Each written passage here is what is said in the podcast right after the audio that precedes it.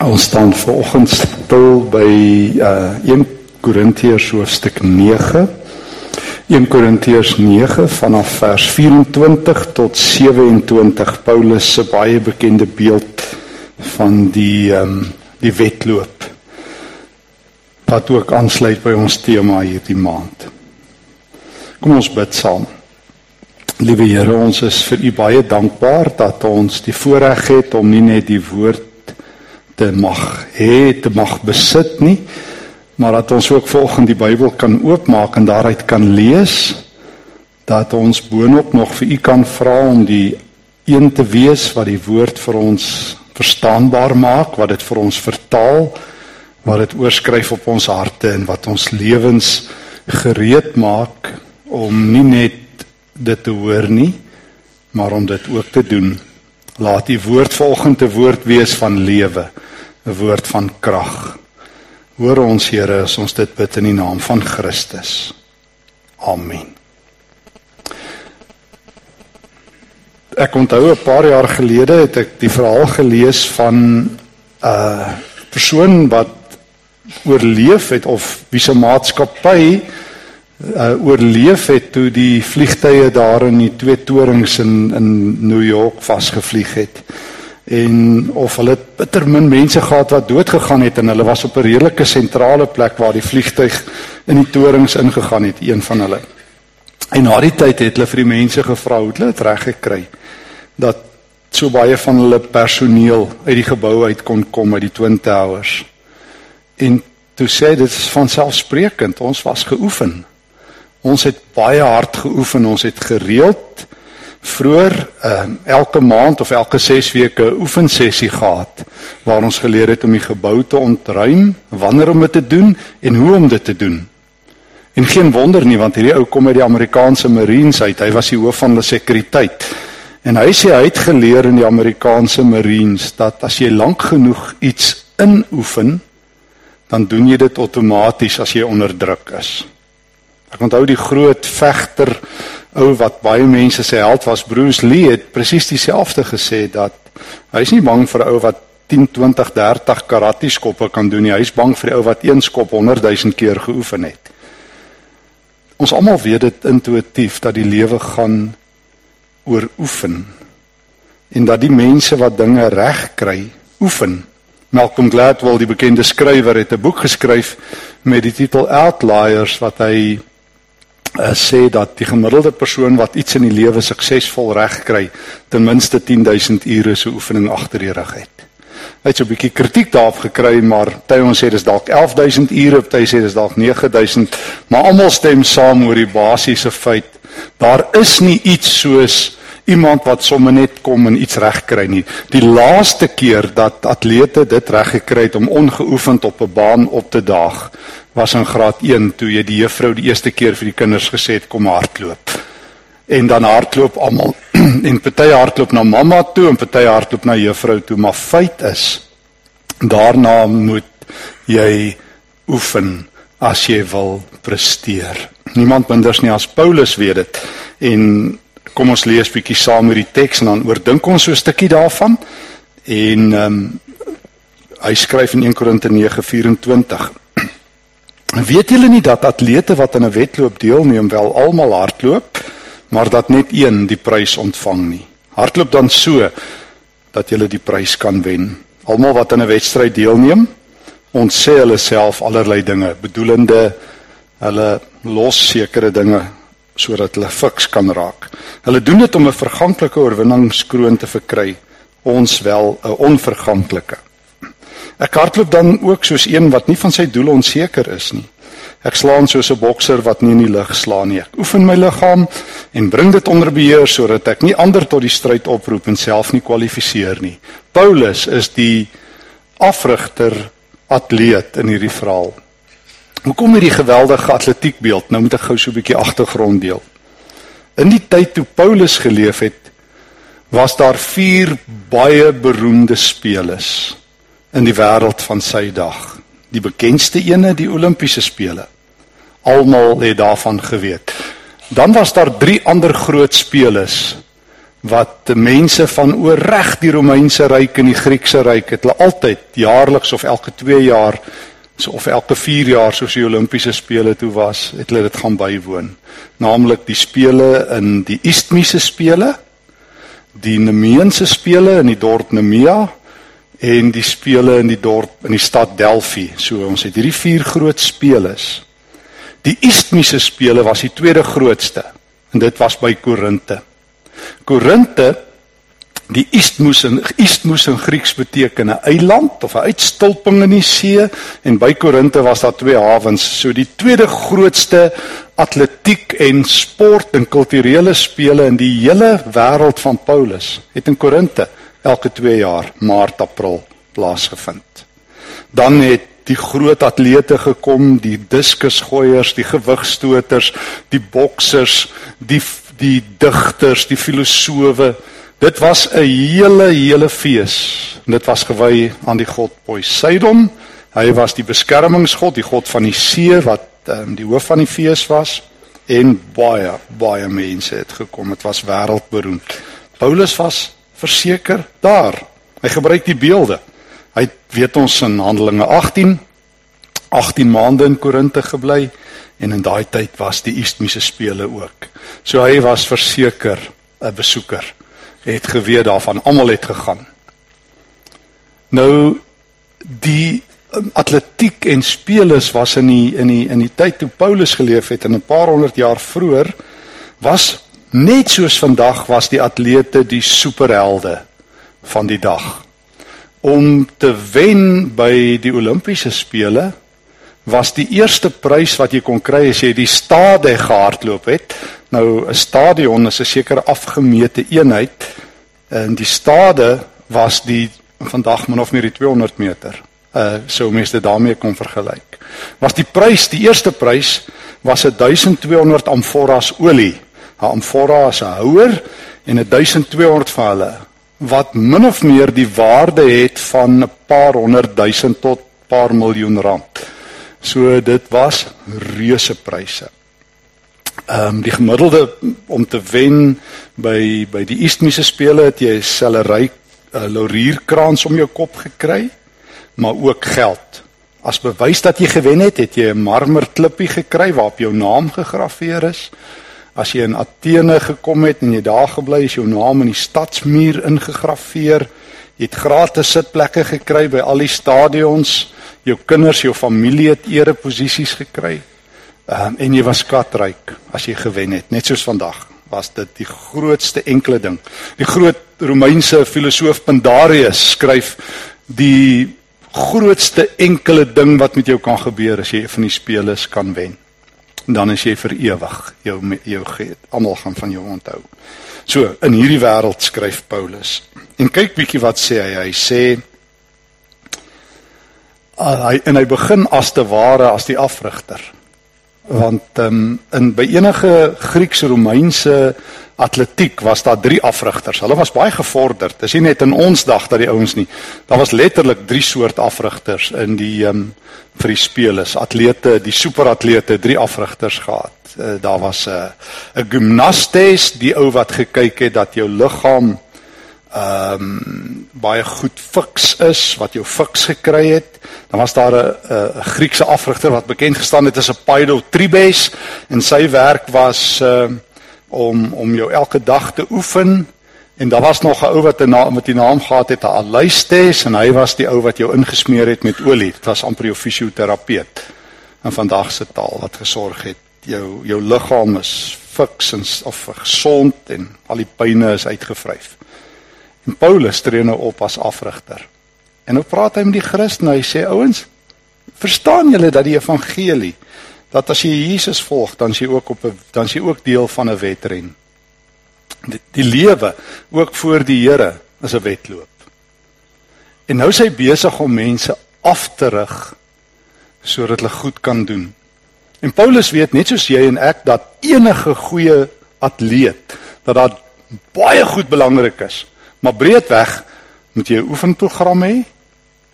Moet dit jou leefstyl raak en moet jy 'n plek hê om te oefen. Nou, alle atlete, alle atlete het 'n het 'n program, 'n plek waar hulle oefen en hulle te leefwyse wat daarbey aansluit. Alle atlete. Paulus weet dit ook. Hy sê, weet jy wat? Die Here se se lewe is ook soos 'n wedren, soos soos 'n baan. En wat jy nodig het by wyse van spreuke wat hy in al sy briewe doen is 'n program, 'n plek om te oefen en 'n leefwyse. En die program is van selfsprekend. Daar's nie een atleet, een sportman, een sportvrou wat vir jou sal sê dit kom maklik nie. Jy kan maar met al die topatlete praat in die wêreld. En jy kan ook maar as hulle programme oor hulle maak, gaan hulle gaan jy agterkom dit is ure en ure en ure se getroue oefen. As ons voor die televisie uithang, is hulle op die pad. As ons slaap, is hulle wakker. As ons lekker eet wat ons wil, eet hulle vaste soort dieet. Want dis wat jou liggaam nodig het. Paulus sê 'n goeie atleet ontsê homself allerlei dinge. Jy het nie die luukse om te leef soos jy wil as jy atleet is nie. Jy kan nie elke aand daar inspring en in 10 pakke chips opeet en 5 bottels Coke uitdrink en aan nie. Jy gaan nie 'n goeie atleet wees nie. En nou sê Paulus, ouens maar maar pas dit net toe op julle geloof. Jy kort 'n oefenprogram. Jy kort 'n oefenprogram in die Christendom was nog nooit onduidelik oor wat ons basiese oefenprogram is nie. En en en dit kom so basies soos twee belangrike dissiplines wat jy elke dag moet inoefen. Jy moet elke dag bid en jy moet elke dag God se woord op een of ander manier in jou liggaam en in jou kop en in jou hart kry. So God se oefenprogram is so duidelik soos bid sonder ophou. Daar's net twee dinge, ons het dit al vir mekaar gesê, kan ek dit weer sê? Daar's net twee dinge wat die Bybel sê jy dag en nag moet doen. En dit klink soos 'n goeie atleet. Jy moet die Here se woord dag en nag oordink en jy moet dag en nag bid. Dis jou oefenprogram.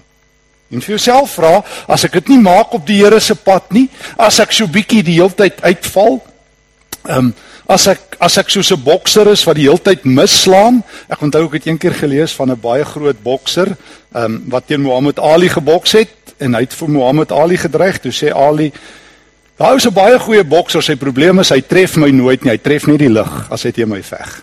En hy gaan dit weer doen as ons weer veg. Dit help jou niks nie as jy teen Muhammad Ali slaan, kan jy nie lig slaan nie. Jy moet hom tref." So jy moet geoefen wees om nie net goeie houe te slaan nie, maar om raak te slaan. Help nie elke hou van jou is 3 cm kort nie, dan tref jy net lig. So 'n goeie bokser sê Paulus oefen om raak te slaan, vertel hy. En 'n goeie atleet hardloop om 'n wedren klaar te maak.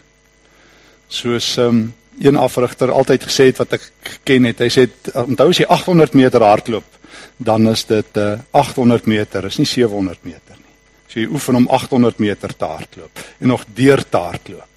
'n Rugbywedstryd het 80 minute, alhoewel dit lyk vir my deesdae is dit so 60 plus 'n klomp ander ouens op die bank. En party ons vat net die eerste helfte. So ek weet nie, maar feit is jy moet geoefen wees om klaar te maak. En hier is jou oefenprogram. Bid elke dag. Ons het daai liedjie gesing, lees jou Bybel, bid elke dag. En dis die waarheid. So hoe gaan ek 'n geoefende atleet in die Here se span wees? Hoe gaan ek die wedren voltooi? Ek gaan elke dag bid. Elke dag. Atleet kan nie net wanneer dit lekker weer is opstaan nie. Party ons moes maar seker um, gister toe dit so gereën het ook opstaan. Nie waar nie.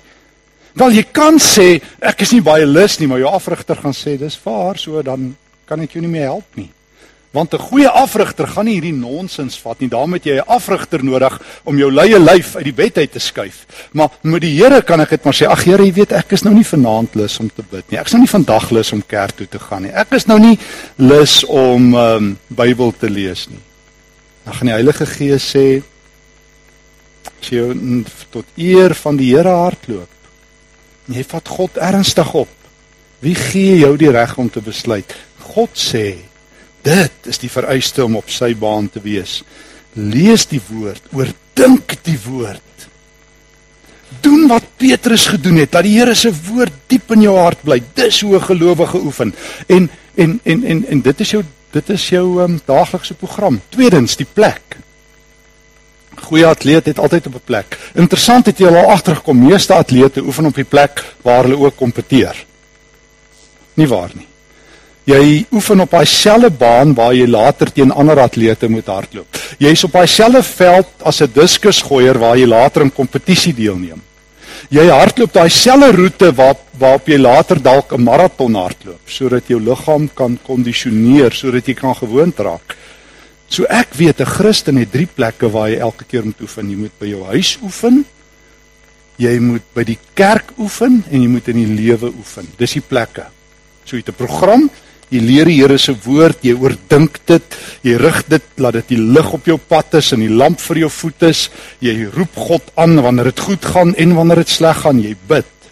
Dis jou program, dis jou basiese program. En jy doen dit elke dag. Jy raak nooit fiks genoeg dat jy die Bybel kan eenkant sit nie. Ek het gesien wat gebeur met Christene wat dit doen. Ek onthou ek was eendag by 'n Bybelstudie wat ek in die buiteland iewers moes aanbied en 'n ou daar gekom toe sê hy vir my, weet jy, hy kom net ter wille van sy vrou. Hy het nie meer nodig om die Bybel te leer ken nie, maar sy vrou het. En dit was nie 'n grapie nie, dit was ernstig. Hy kom ter wille van sy vrou saam sodat sy dan nog iets kan leer, maar ek kan hom niks leer. Sê ek, ek weet ek kan jou niks leer nie, ek hoef ook nie, maar die Here moet jou leer. So so vaarlik nê as jy volleerd is. As die Here jou niks meer kan leer.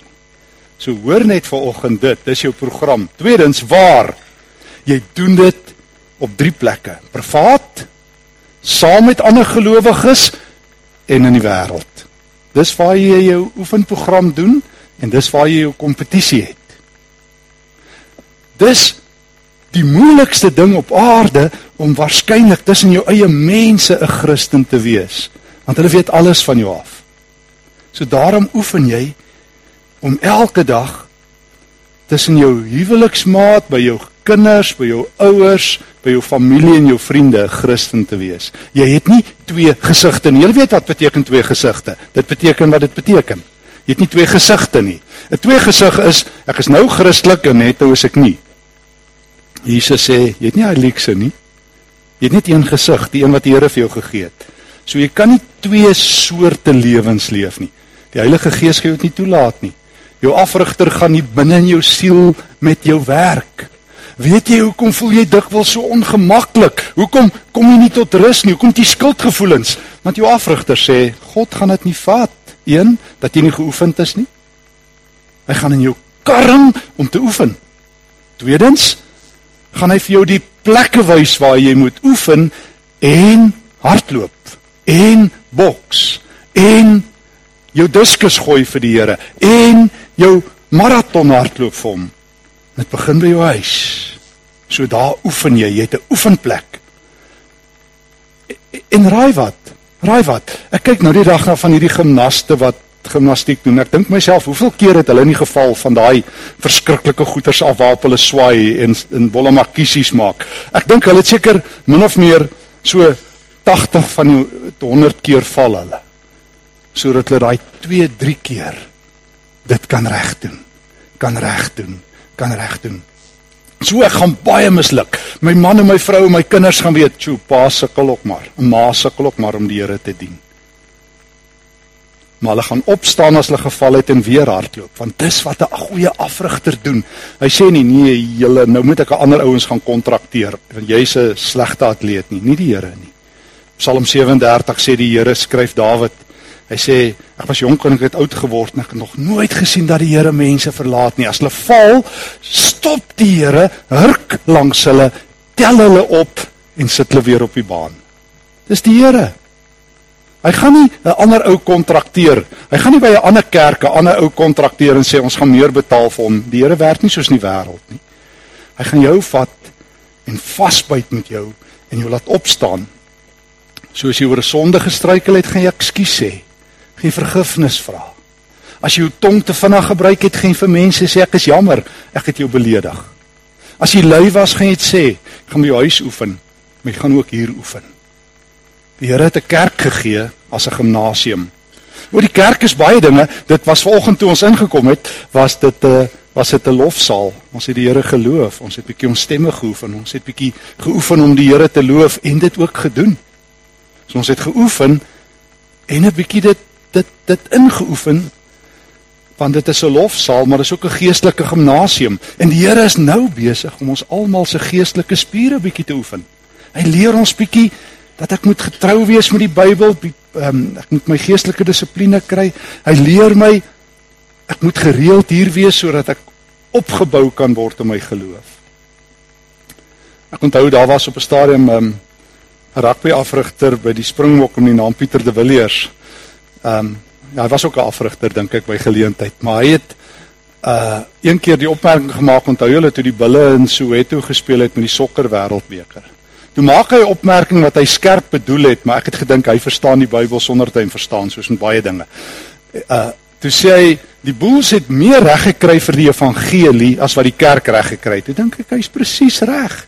Want elke gemeente het nie 'n rugby span nie. Ek bedoel Peer van Reyneveld het nie 'n rugby span gaan speel ons teen die Lions nie. Dan het ons 'n rugby span gaan speel ons 'n kerk as hier 'n 'n sportman is hier in ons midde wat ehm um, goeie potensiaal het, dan word hy hier opgebou of sy sodat hy in die wêreld kan gaan speel vir die Here.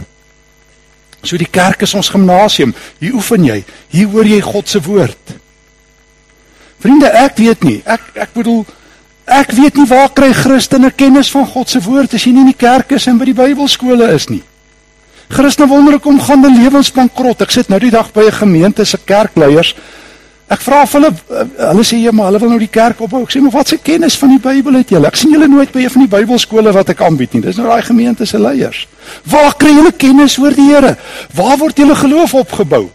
As jy net kerk toe kom as jy lus is, dan kan jy mos ook maar net eet as jy lus is en slaap as jy lus is en dan gaan werk as jy lus is en dan gaan jy ook jou werk verloor as jy baas lus is. Want jy kan nie so deur die lewe gaan nie. Jy kort 'n gedissiplineerde lewe. Jy kort 'n gedissiplineerde saamwees met medegelowiges. Dit is die een ding wat die Here vir ons gee. Hy sê: "Nie van ons wat in hierdie gebou is is fotostate van mekaar nie." Ons leer by mekaar, ons moedig mekaar aan, ons hou mekaar se hande vas. Die kerk is jou oefensaal, dis jou simfoniesaal. Jy moet hier wees. En dan derdens moet jy in die wêreld kom. Elke dag. Sodat jy kan oefen en sodat jy daar kan hardloop. O Jesus is altyd op rekord. In die kerk word jy opgebou en in die wêreld bou jy uit. Jy oefen hier sodat jy lewende brood het, geestelike krag het sodat jy in die wêreld 'n getuie kan wees. Dis die ritme. Privaat, kerk, wêreld. So oefen jy. Waarmee oefen jy? Gebed en die woord. Waar pas jy dit toe? Jy pas dit toe by jou privaat, by jou huis, jy pas dit toe kollektief hier by die kerk en jy gaan leef dit uit in die wêreld. En daar sien jy hoe lyk 'n geoefende atleet. Daar sien jy hoe lyk 'n geoefende atleet. En ek ek onthou ek was vroeër het ons al baie vir mekaar gesê en julle sê dit dalk ook ons kla partykeer bietjie dat die kerk nie so sigbaar is nie. Maar die Here se kerk is jy en ek. Jy hoef nie die gemeente in die, in die dorp te hê nie. Jy jy hoef die mense wat hier was op hulle eie maniere in die dorp te hê. Ons is die Here se span. Ons is die ouens wat die evangelie moet uitdra. En ek het al agtergekom die Here sal my partykeer 10 jaar iets laat inoefen, net op 'n dag, net op 'n dag. Net op 'n dag druk hy op my knop en dan moet ek dit uitleef. Hy sal jou partykeer vir 20 jaar voorberei vir iets. Vat vat vir Abraham. Vat vir Abraham. Die Here het bietjie laat met hom op die wedloop begin, onthou julle. Hy was al so 75 toe die Here hom roep. Hy nie tannie wou al op pensioen gaan. En toe sê die Here nee nee Abraham, ek het 'n ek het 'n atleet atletiekbaan vir jou. En hoe lank het dit hoe lank het God met Abraham die wedren gedoen voordat sy kind gebore is? 25 jaar. 25 jaar. Dis 'n lang tyd. Maar die Here het aangehou totdat Abraham by 100 was hy nie tannie.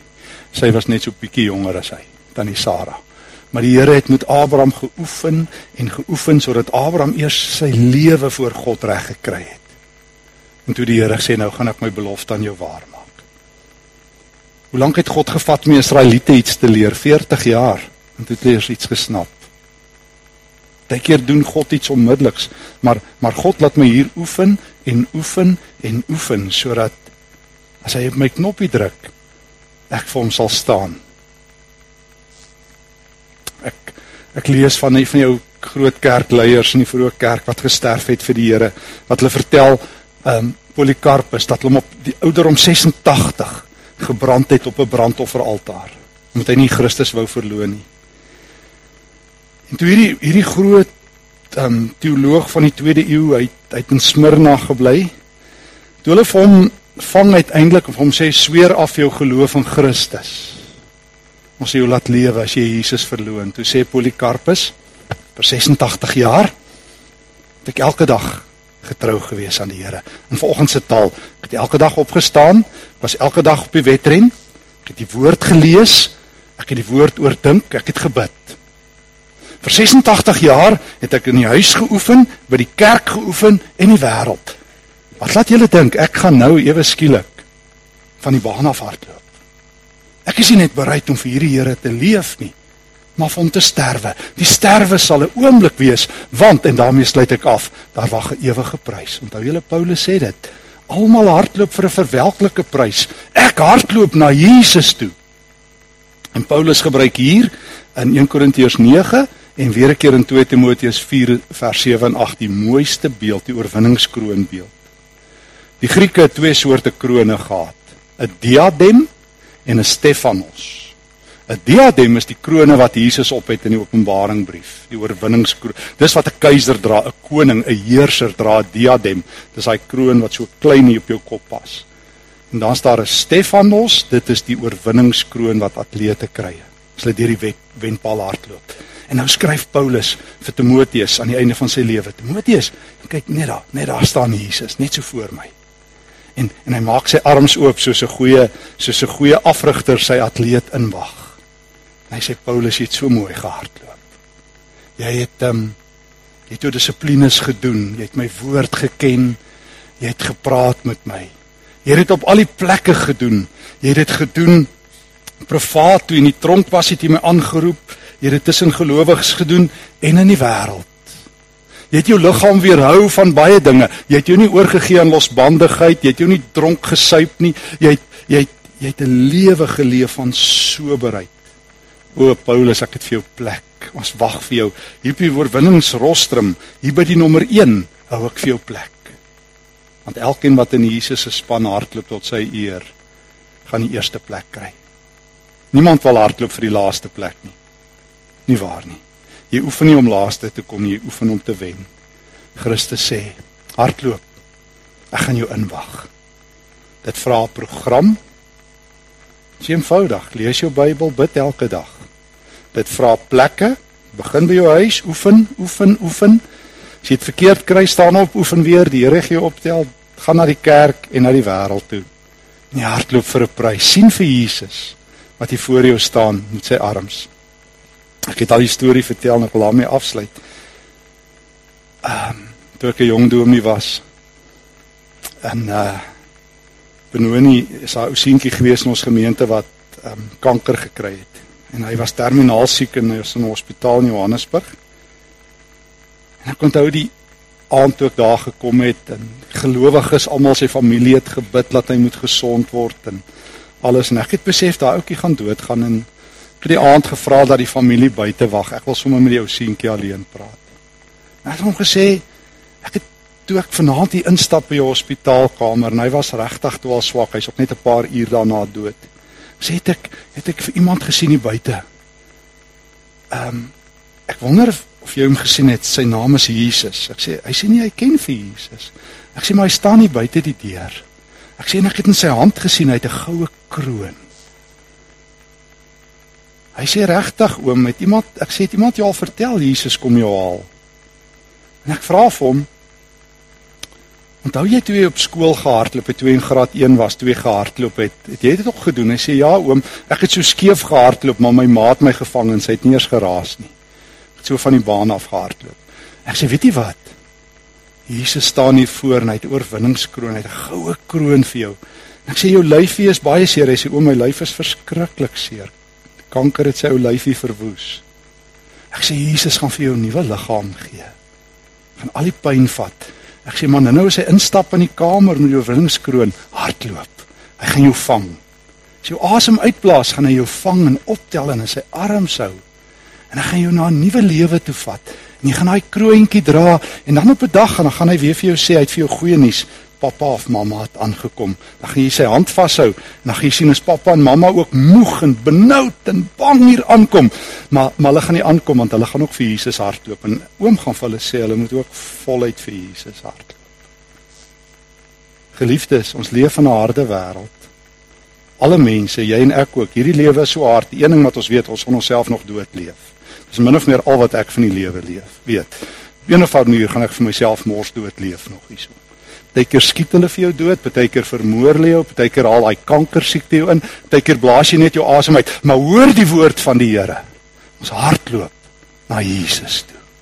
En hy staan met sy arms voor ons oop en hy sê ek smeek julle oefen oefen sodat jy voluit kan hardloop want jy weet nie wat vir jou voorlê nie die lewe by my 'n onverwelklike kroon die lewe by Christus hou jou oog op die prys amen dankie Here vir die woord gee dat ons sal oefen ons die regte oefenprogram sal volg dat ons sal bid en Bybel lees dat ons op alle plekke sal oefen waar u ons op die wet op die baan wil hê by die huis, by die kerk, by die werk. En Here dat ons sal hardloop vir u. Here, dankie dat u vir ons 'n ewige kroon het, die lewe by Christus. Ons oog is op u. Here, ons gaan hardloop. Ekskuus as ons lui is, ekskuus as ons min geoefen het. Ons meld aan vir diens. Amen.